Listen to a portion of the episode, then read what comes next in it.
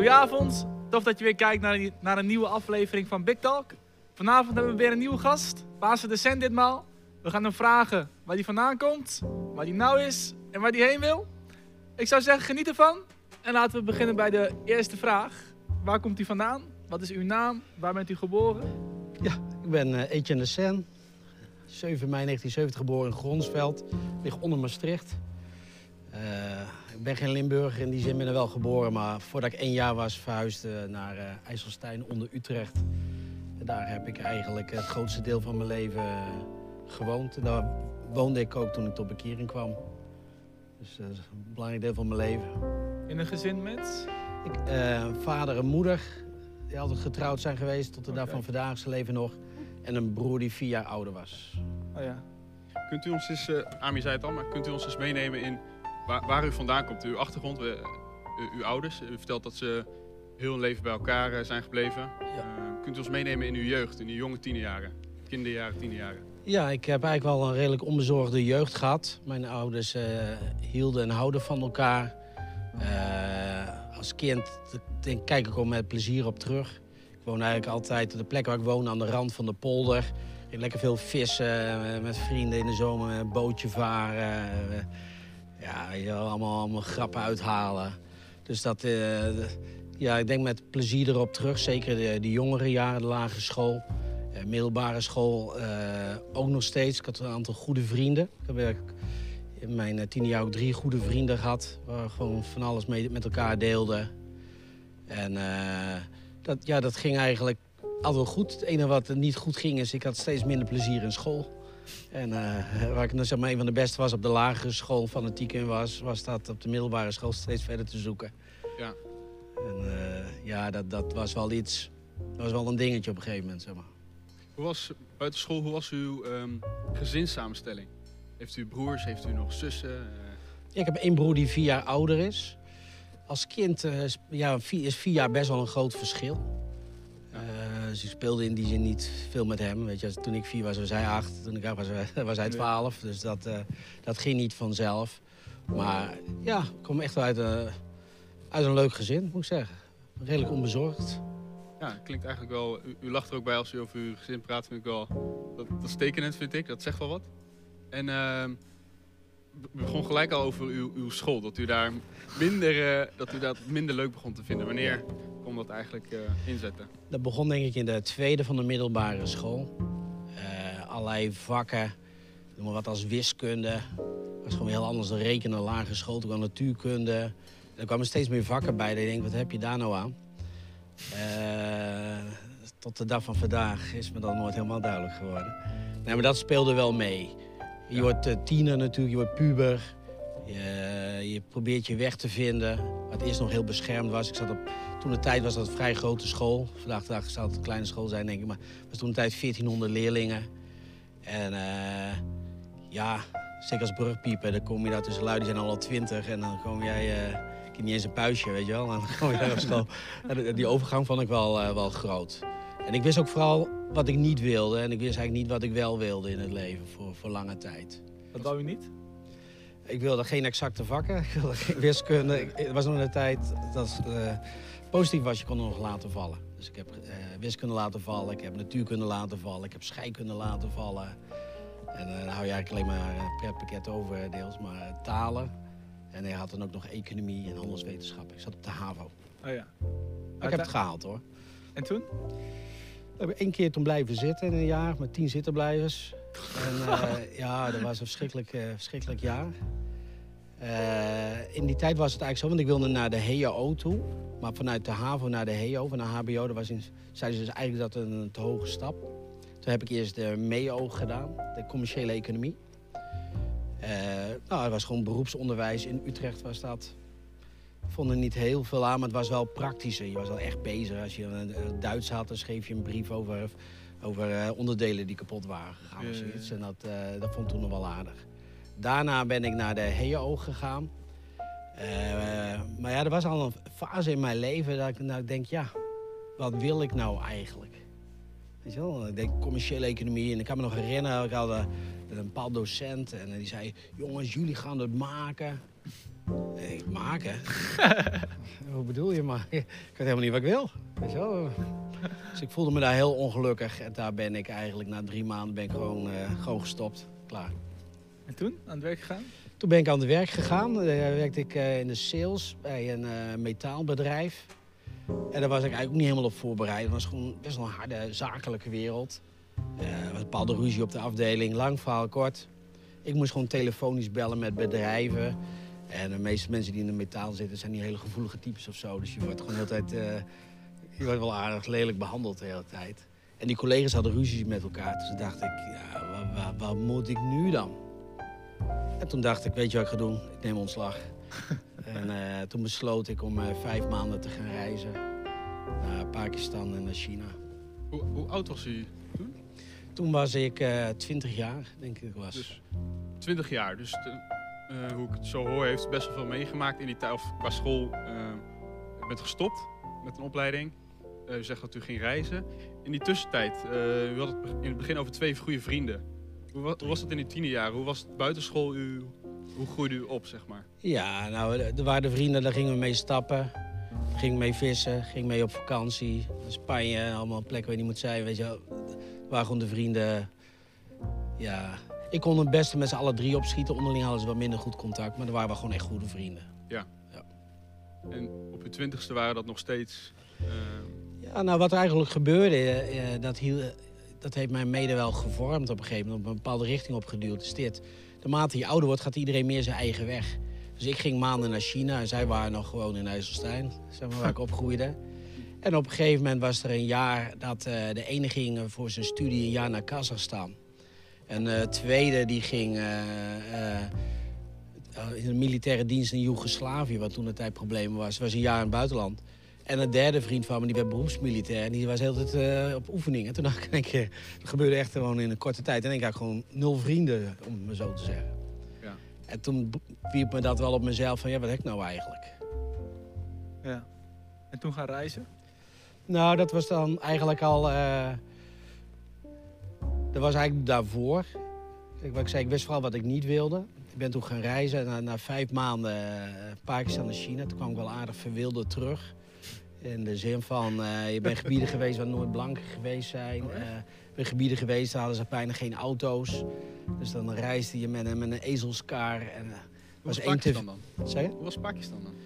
Pakistan was ook heel interessant. Eh, wat, hoe Pakistan was, was de mensen die, die behandelden je of een van de beroemde popster was. Dus het was heel vermoeiend. Dus ik was gewoon een geflipte student en ik wist niet wat ik moest met mijn leven. En iedereen kwam naar je toe. Hello, how are you? What's your address? Eh, moet je met mijn adres? en, eh, ja, dat, maar dat, wij reisden met eh, openbaar vervoer. Dus waren wel hele pittige reizen hoor. Dan zijn soms 40 uur in de trein, rechtop zittend, geen bed. Geen ramen in de trein, buiten 40 graden. Ja. Maar de mensen waren ontzettend aardig. En u ging helemaal alleen? Nee, ik ging met een reisorganisatie. Maar ja, je, je kan misschien wel bij voorstellen, vijf maanden met een reisorganisatie, dat is niet helemaal zo georganiseerd als je een weekje gaat. Nee. Dus eh, er waren een hele hoop alternatieve figuren. En er was best wel een hoop vrijheid. Als jij zegt, ik wil even een paar dagen op mezelf wonen, ik zie jullie wel weer. Verderop, dan was dat ook goed. Ja, ja. Dus dat was wel redelijk los. Gewoon vijf maanden gereisd. En toen weer teruggekeerd naar Nederland. Toen weer teruggekeerd inderdaad. En toen had ik eh, het geluk dat ik eh, eigenlijk in korte tijd eh, een baan kon krijgen.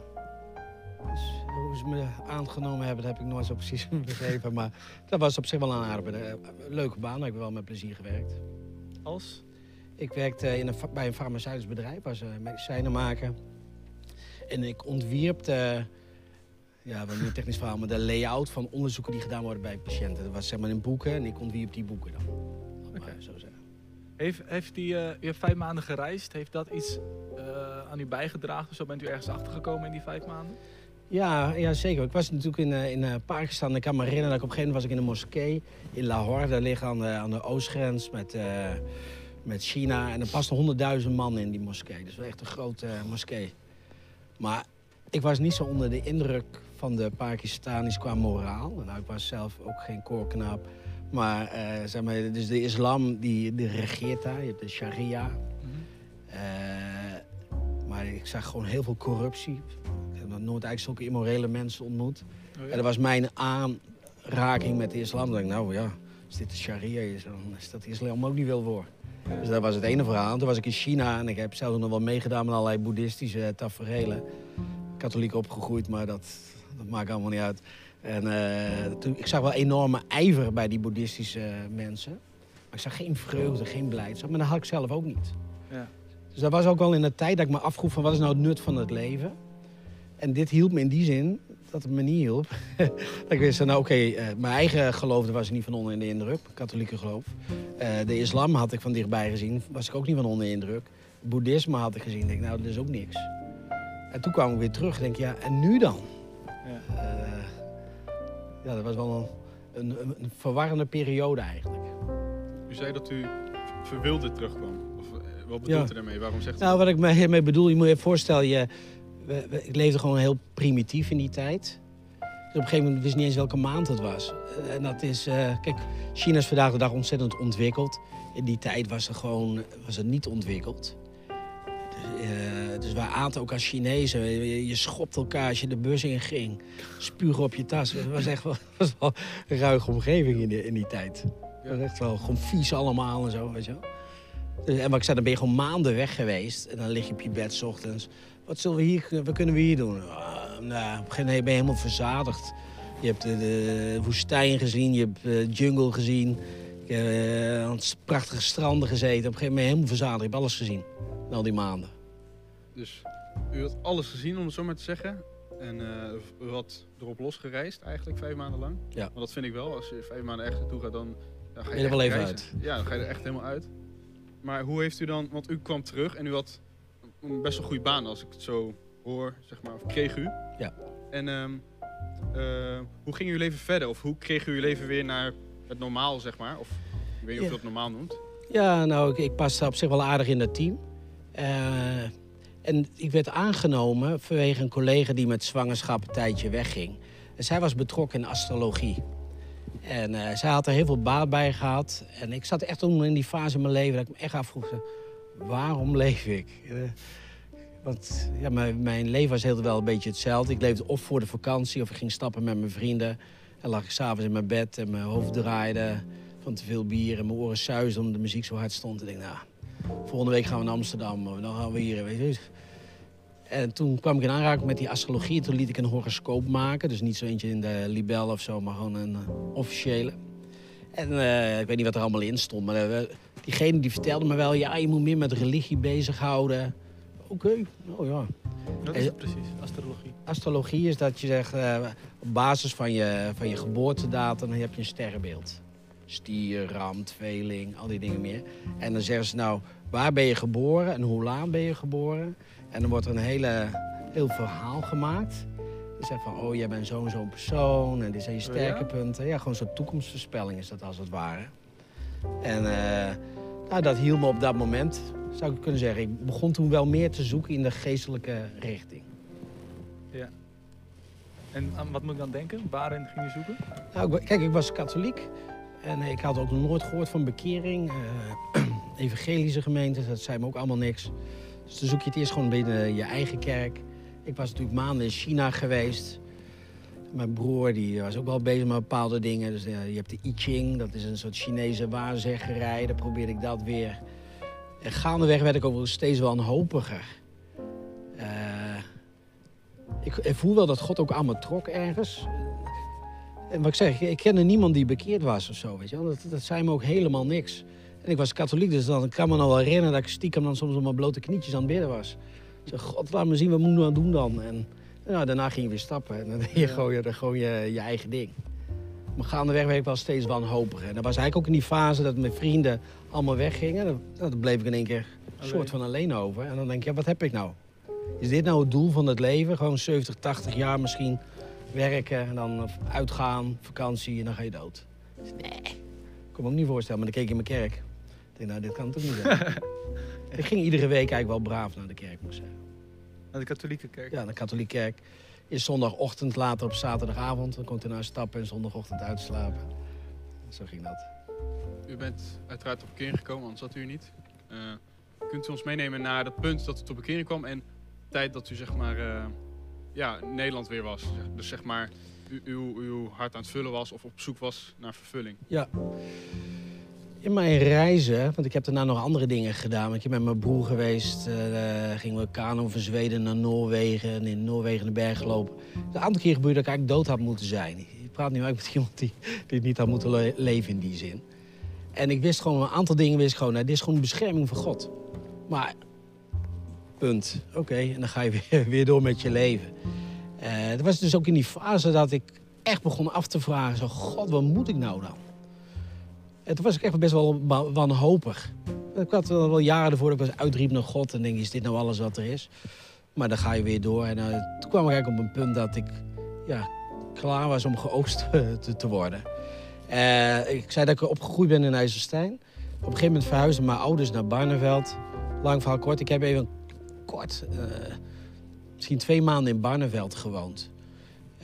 Barneveld ligt vlak bij Amersfoort. En op een donderdagavond ging ik in mijn eentje de stad in. En toen werd ik aangesproken door christenen.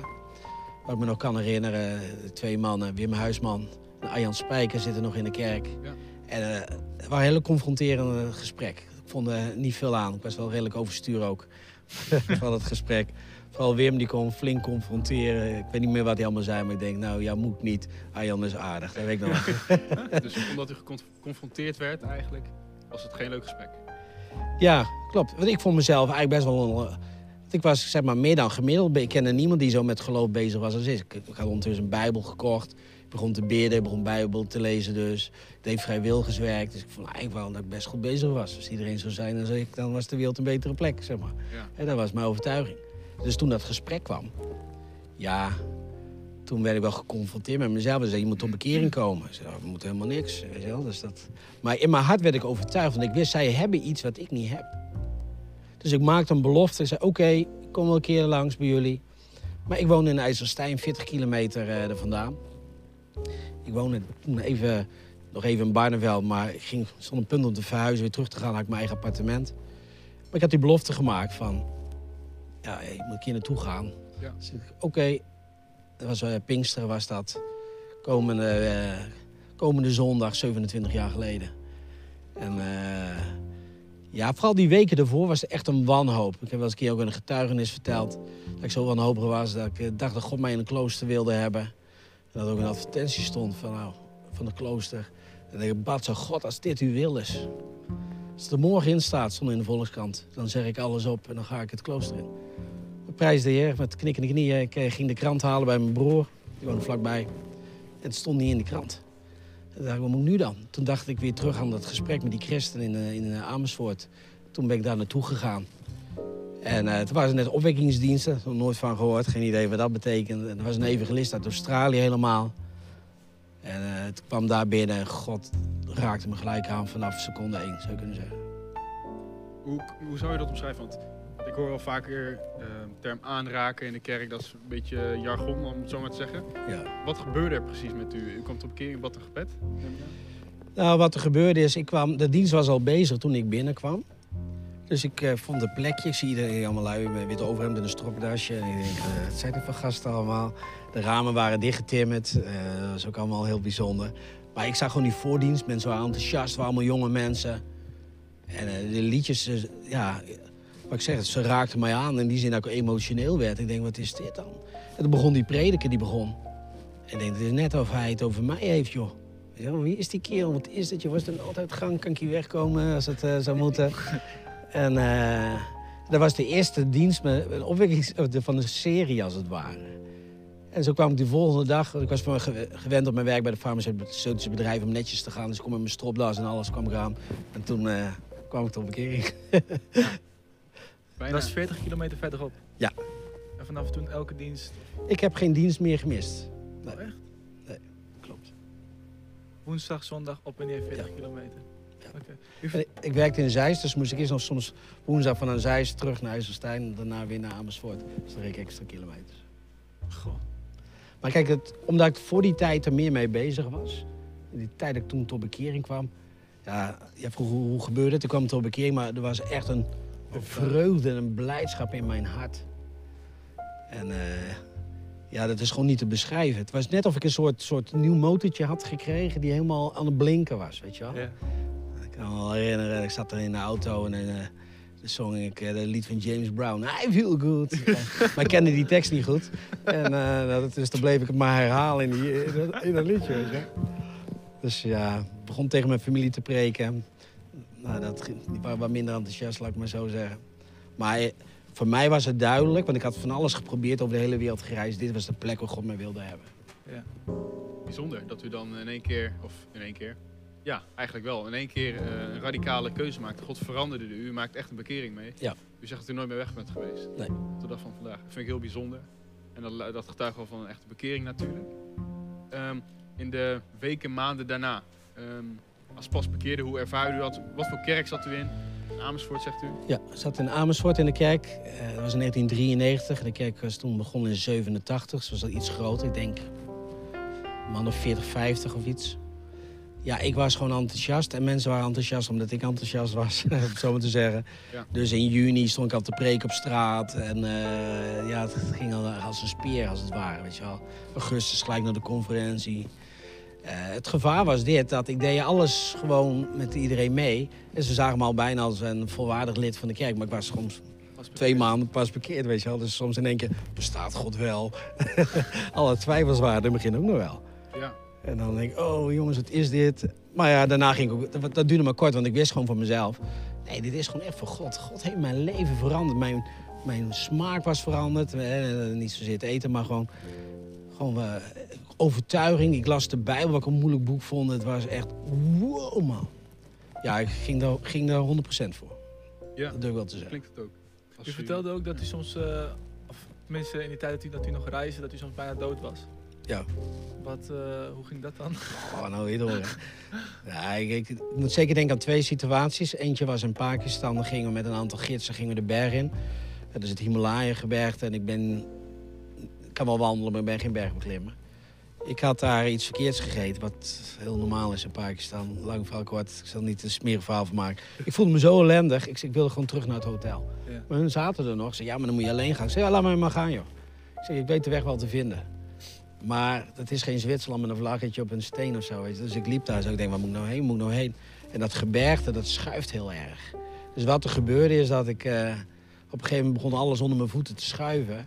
Ja, ik moet je voorstellen, het zijn echt gewoon hoge bergen. Maar één berg, als, bij dat hotel als naar buiten keek, was 7700 meter hoog. Dus echt grote, grote bergen, weet je. Dus alles begon te schuiven, dus ik zat op mijn rug. Wow, en ik schoof gewoon... moeilijk terugschaat, met een 80 meter of zo naar beneden schoof met mijn stenen en zand. Dan lag ik daar.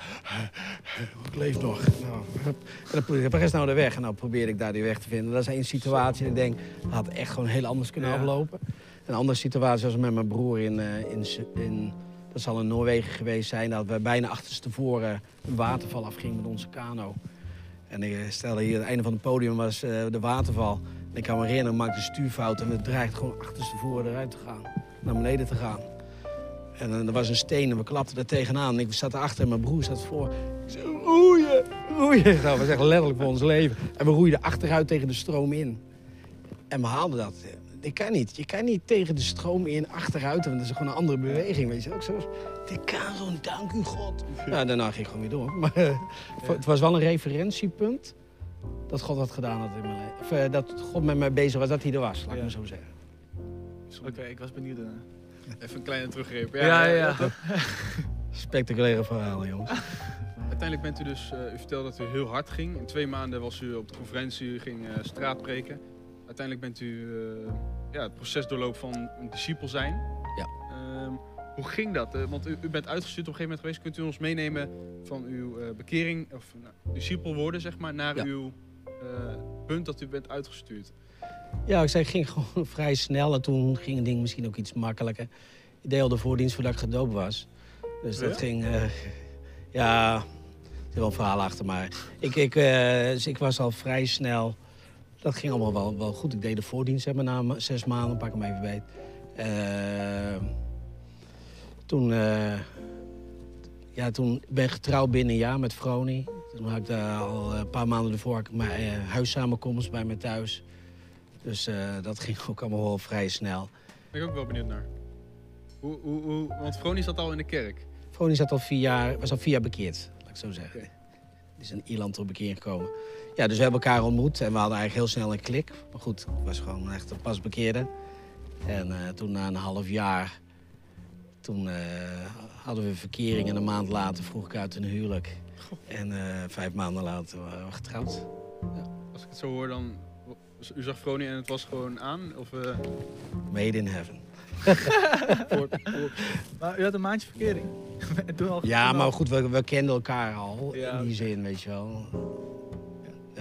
En nu al zoveel jaar getrouwd. Het is goed. Het is goed gegaan. Ja, maar ik- we hebben het er nog wel eens over. Zeg. Eigenlijk wisten we helemaal niet wat we deden. Maar prijs God, het is goed gegaan.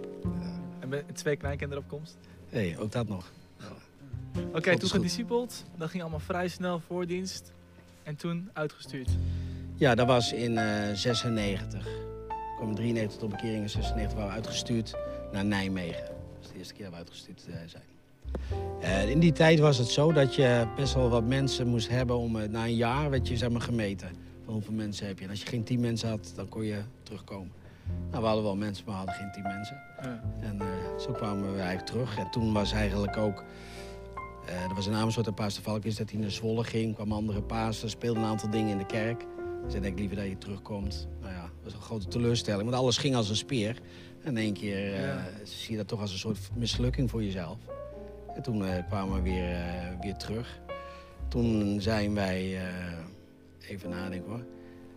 Een jaar later zijn we opnieuw uitgestuurd. Toen zijn we naar Almere gegaan en daar hebben we vier jaar gezeten. En toen zijn we ook weer teruggegaan. En ja, ik weet niet hoe ver ik nu moet gaan. Toen zijn we voor de derde keer uitgestuurd. Hebben we de kerk in Schiedam overgenomen, hebben we zes jaar gezeten. En hier zitten we bijna eh, vijf jaar. ik, ben, wel- ik ben wel benieuwd naar... eh, want eh, u heeft het aantal... Eigenlijk wil ik eerst nog vragen van... Wanneer kwamen de kinderen? Want, want u heeft eh, drie kinderen. We zijn alle drie in een andere stad geboren. Daan kwam toen wij aan het pionieren waren. Toen eh, is hij eh, drie, vier maanden later geboren In Nijmegen. in Nijmegen.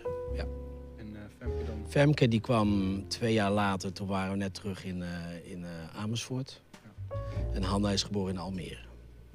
En wat ik eigenlijk wilde vragen is... Maar, eh, u bent een aantal keer terug geweest. Ja. Hoe was dat? Voor u persoonlijk en uw vrouw en uw gezin. Nou, dat is wel een, een teleurstelling. In die zin van, ja. Kijk, de eerste keer is het een teleurstelling. Maar ik zeg, alles ging als een, ging als een speer. Even onbescheiden gezegd. Dan denk je, dit, dit lukt niet, dit werkt niet, weet je wel. Dan moet je dan toch ook weer processen. Dus dan zie je eerste dienst in je moederkerk.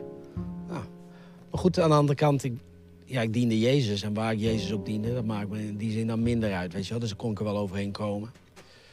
Eh, de tweede keer was het moeilijker. En dat was eigenlijk ook een moment in mijn leven, denk ik, ja, eigenlijk wat had voor mijn bekering, wat moet nou? Wat vraagt God nou van mij, weet je wel? Dus ik was al die tijd betrokken ook. Eh, we hebben toen in Almere hebben nog twee jaar heen en weer gereden. Nou, dan reed ik zaterdag eh, naar Amersfoort om te evangeliseren. En dan na s'avonds weer voor het koffiehuis zondag tussen de diensten door. Ik heb heel wat kilometers afgelegd in die, eh, in die jaren. Dus het bleef gewoon altijd wel dienen. En eigenlijk was het zo, dat is in die zin een mooi verhaal. Eh, ik kwam op een gegeven moment, eh, je, je worstelt toch soms met de wil van God. Weet je? God, wat, wat moet nou dan? En er was een punt gekomen in mijn leven dat ik tot de conclusie was gekomen... nee, God heeft me niet geroepen om uh, pastor te worden. En toen gingen wij eh, een paar dagen later naar eh, opwekkingsdienst. Ik de pastor Valk daar en die gaf me een woord. Zeg, God is nog niet klaar met je. En ik kan me nog herinneren dat ik, dat ik dacht, nee hè. ik was er net uit, man. Bijzonder. En oké, nou ja. En toen een week later hadden pastor Chris Entong, die preekte in Amersfoort. Die gaf me precies hetzelfde woord. Die wist helemaal niet wat er gebeurd was in Arnhem. En dacht shoot man. Wordt toch maar weer, toch maar weer aan de slag, als het ware. Ja, eigenlijk, ehm, het klinkt een beetje alsof u, eh, ja, ik wil niet zeggen tegen de lamp aanliep, maar dat u zelf ehm, wat dat betreft een beetje tegenkwam. En eh, misschien wel op een, op een punt stond waar u echt een keuze moest maken. Ja, zeker. Want ook toen ik dat woord had gekregen, het was niet zo dat ik daarna, na, toen hij was pastor Klok maar heen uh, paas, dat ik naar hem toe ging, nou, uh, nou ja, laat het toch maar weer doen of zoiets, weet je wel. Ja. Dat was wel weer een grotere stap. Ondertussen drie kinderen, zie met werk, weet je wel, allemaal weer volgende stappen. En u eh, besloot dus, zeg maar, om weer uitgestuurd te worden naar Schiedam. Nee, wij zijn, zouden gaan pionieren in, eh in eh, Nieuwegein. Maar dat lukte me helemaal niet om een gebouw te vinden. En toen eh, besloten we om, eh, ik denk nou laat ik eens een keer de andere kant van de A12 proberen in Utrecht-Zuid. en daar gelijk, eh eerst het beste gebouwtje ik binnenliep, had ik een gebouw. Toen zijn we daar naartoe gegaan, Utrecht-Lunetten. Utrecht. Lunetten. Ja. Maar goed, wij waren daar net een paar maanden bezig en toen kwam er een, eh, een verandering in Schiedam. Dus toen eh, vroeg hij, wil je de kerk in Schiedam overnemen? En ik kende de kerk uit Schiedam, maar die valt ook onder Amersfoort, die kende ik goed. Oh ja. Dat was 2009. Ehm, u was toen al een, een met wat ervaring, wat, eh, wat, wat kerk gepioneerd. eh. Ehm, hoe was dat? Want dan neemt u een kerk over, Ja. eh, heeft een gezin. Hoe bent u ontvangen ten eerste en ehm, hoe, hoe is dat proces gegaan? Want u heeft daar een aantal jaar gezeten. Ja, zes jaar. Zes jaar. Ja, dat was wel een avontuur. Want Schiedam is gewoon een hele andere omgeving. Zeg maar, eh, Schiedam is een onderdeel van, van Rijnmond, van Rotterdam. En dan eigenlijk wat een van de ruigste gedeeltes van, eh, van Rotterdam. Maar de, hoe ik daar ontvangen ben is geweldig. Die mensen zijn heel hartelijk. Dus ik heb er zes jaar met eh, plezier gezeten. Ik kon het toen de tijd zo regelen met mijn werk dat ik parttime kon werken. Dus ik werkte nog 24 uur. Dan had ik een baan daarnaast en de rest... eh ze hebben verdiening vanuit de kerk als het ware. We hebben zes gewoon hele mooie jaren gehad. Eh, Het was niet altijd makkelijk. Ja, dat, dat is op zich ook logisch. Eh, eh, Het was heel mooi. Kijk, het, is een ruige omgeving, dus iedereen die je op straat aanspreekt, die heeft wel een verhaal te vertellen.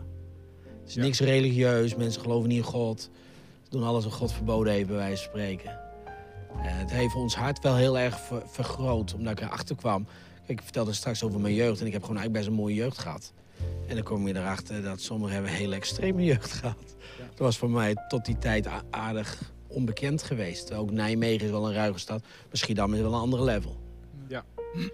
Drugs, eh, ja, ja, extreme dingen. En ehm, ja, uw kinderen, ik ken uw kinderen. Eh, die zijn daar natuurlijk eh, tieners geworden, jongvolwassenen. Ja. Als u daarop terugkijkt, bent u blij met, met de opvoeding die ze hebben kunnen krijgen natuurlijk? En ehm, bent u blij met hoe, hoe zij ook opgegroeid zijn daar? Ik denk dat die kerkovername, dat heeft ze mede geholpen om te zijn wie ze nu zijn. Want het was, eh, zeg maar, toen wij daar waren, iets van 45 mensen, denk ik. En toen we weggingen, man of 70. Maar al vrij snel, zoals Daan, die was denk ik 13 of 14, maar die begon wat mee te helpen in de voordienst. En van het een kwam het andere. Het was een kleinere groep met tieners. Ze hebben het gewoon heel goed gedaan daar en het heeft hen echt geholpen. Waar je in een grote kerk soms makkelijk erbij kan hangen. Niemand heeft het soort van door. Is, nu konden ze juist... Hebben ze geleerd, ook met de pionieren nog in Utrecht trouwens, stap ervoor. Tafeltjes aan de kant zetten. Daan, ga jij bij de uitgang staan als de bezoekers komen. Mm. Ja. Eh, met een stropdasje, weet je wel. eh, al die dingen meer. Maar het heeft ze echt geholpen om eh, te worden wie ze nu zijn. Wat vond u het mo- meest moeilijke aan pionieren? Het meest moeilijke vond ik eh, teleurstellingen. Dat mensen eh, gewoon makkelijk af kunnen haken. Ik denk dat dat wel een van de moeilijkste dingen is. Maar goed, dat hou je tot de dag van vandaag nog steeds wel hoor. Maar ja, dat je, soms heb je een groepje mensen, je knipt met je ogen en ze zijn weer weg. Ja. Dan denk ik, oh, nou dan ga ik maar weer alleen de straat op. Nee, dan weer niemand. Ja, ja, ja. En wat is het meest mooie aan pionieren? Het meest mooie is dat het gewoon eigenlijk zo'n waanzinnig idee is. Dat jij in een stad loopt. Ik zeg, eh, ik sta hier namens God als het ware, weet je wel. En dat, dat God er mensen binnenbrengt. Ik heb mensen getrouwd in mijn woonkamer, omdat wij gewoon thuis diensten hadden. Nou, dat is toch waanzinnig. Ja, ja, ja. Prachtig, man. Ja, dat zijn een mooie, mooie, mooie momenten, mooie... Ja, dat is echt wel heel bijzonder.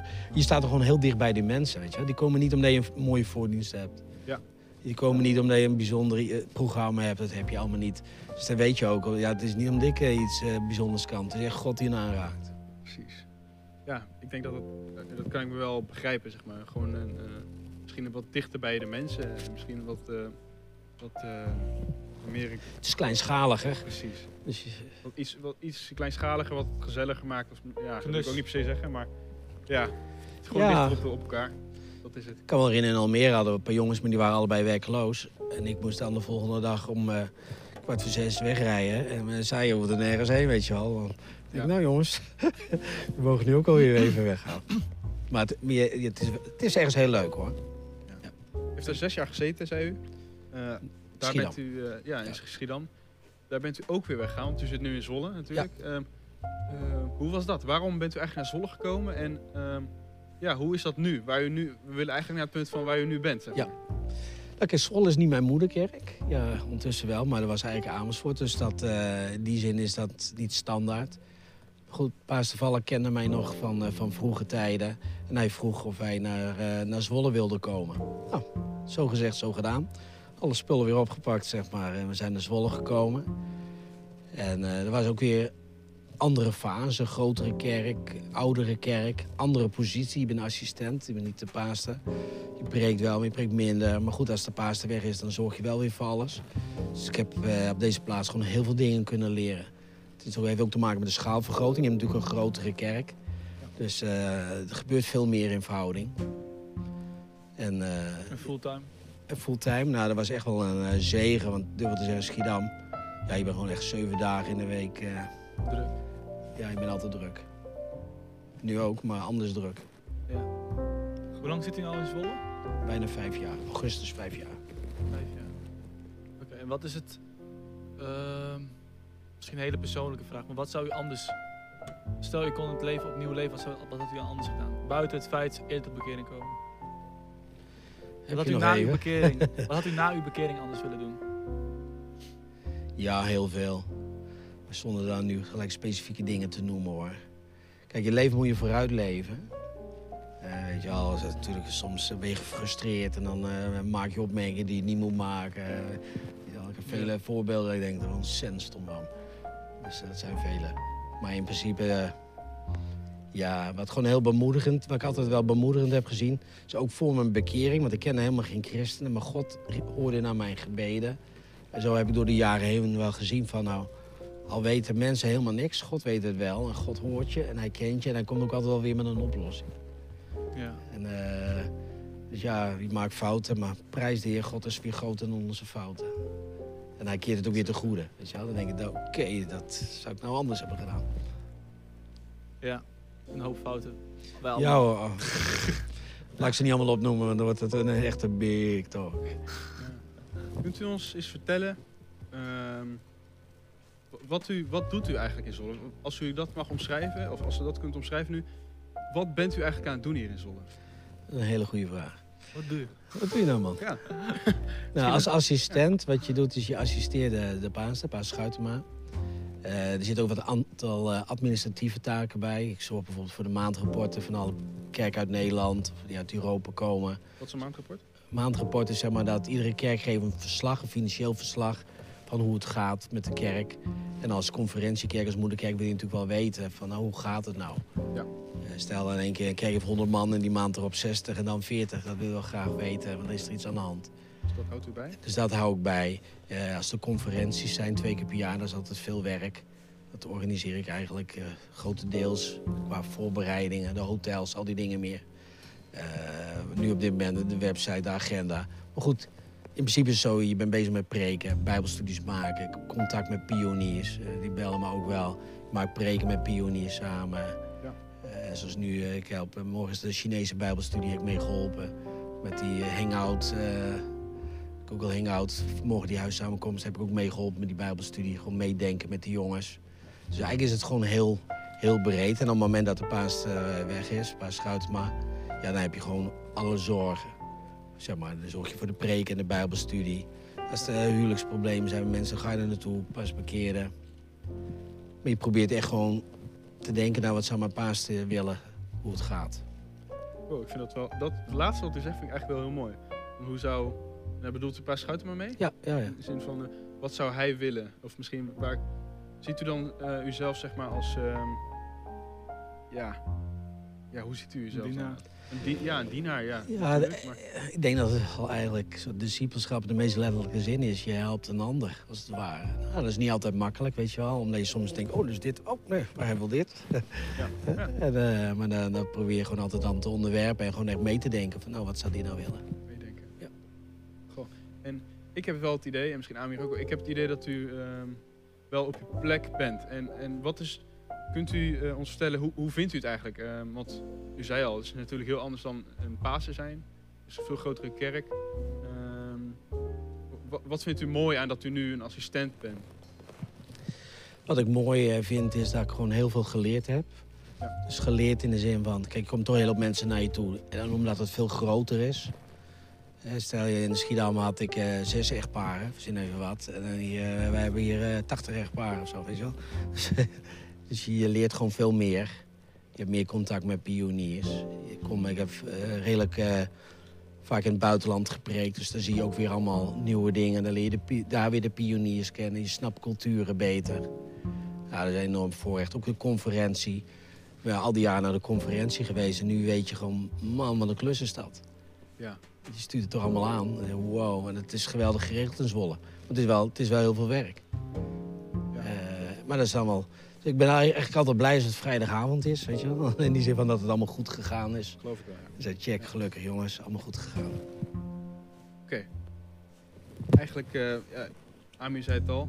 Ehm, we zijn ook wel benieuwd. Nou, we, we zitten in een kerk eh, die een duidelijke visie heeft. Heeft u persoonlijk voor uw leven een, ehm, een visie of een, eh, Een doel. ja, een doel, misschien wat u nastreeft, eh, waar u zelf ziet eh, in de toekomst misschien?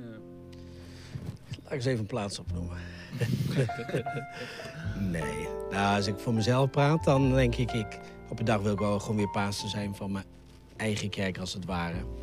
Maar goed, alles heeft zijn tijd, weet je wel. Ik geloof wel dat Gods hand erin was, dat ik op het moment dat ik gekomen ben, dingen die gebeurd zijn. En in die zin eh, heb ik wel echt geleerd om te wachten op Gods tijd. Dus ik eh, vermaak me prima, ik heb er naar mijn zin. Ik eh, verveel me nooit, ik ben altijd druk met van alles en nog wat. En dan laat ik het gewoon open aan God van eh, wat de toekomst gaat brengen. Ja, dat is echt een hele open mindset. Ja, omdat je niet weet wat het leven brengt, weet je wel. Als er ergens een probleem is, kan het zijn dat wij erheen moeten om het daar op te lossen. Dat is een van de, de mogelijkheden van een assistent. Eh, aan de andere kant wil je ook helemaal niet dat dat gebeurt. Dat ga je ook niet wel. dus eh, dus eh, ja, ik probeer dat. Dat zijn wel de dingen die ik mezelf voorgenomen heb toen ik naar Zwolle kwam. Dus ik wil gewoon een zegen voor mijn paas te zijn.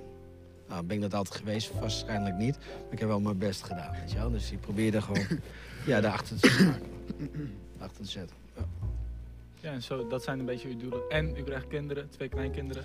Twee kleinkinderen, nou, dat inderdaad. En dan is het mooi dat we hier in Zwolle zitten. Want stel ik zou nou eh, ergens eh, ver weg is dan, dan was het toch allemaal weer anders.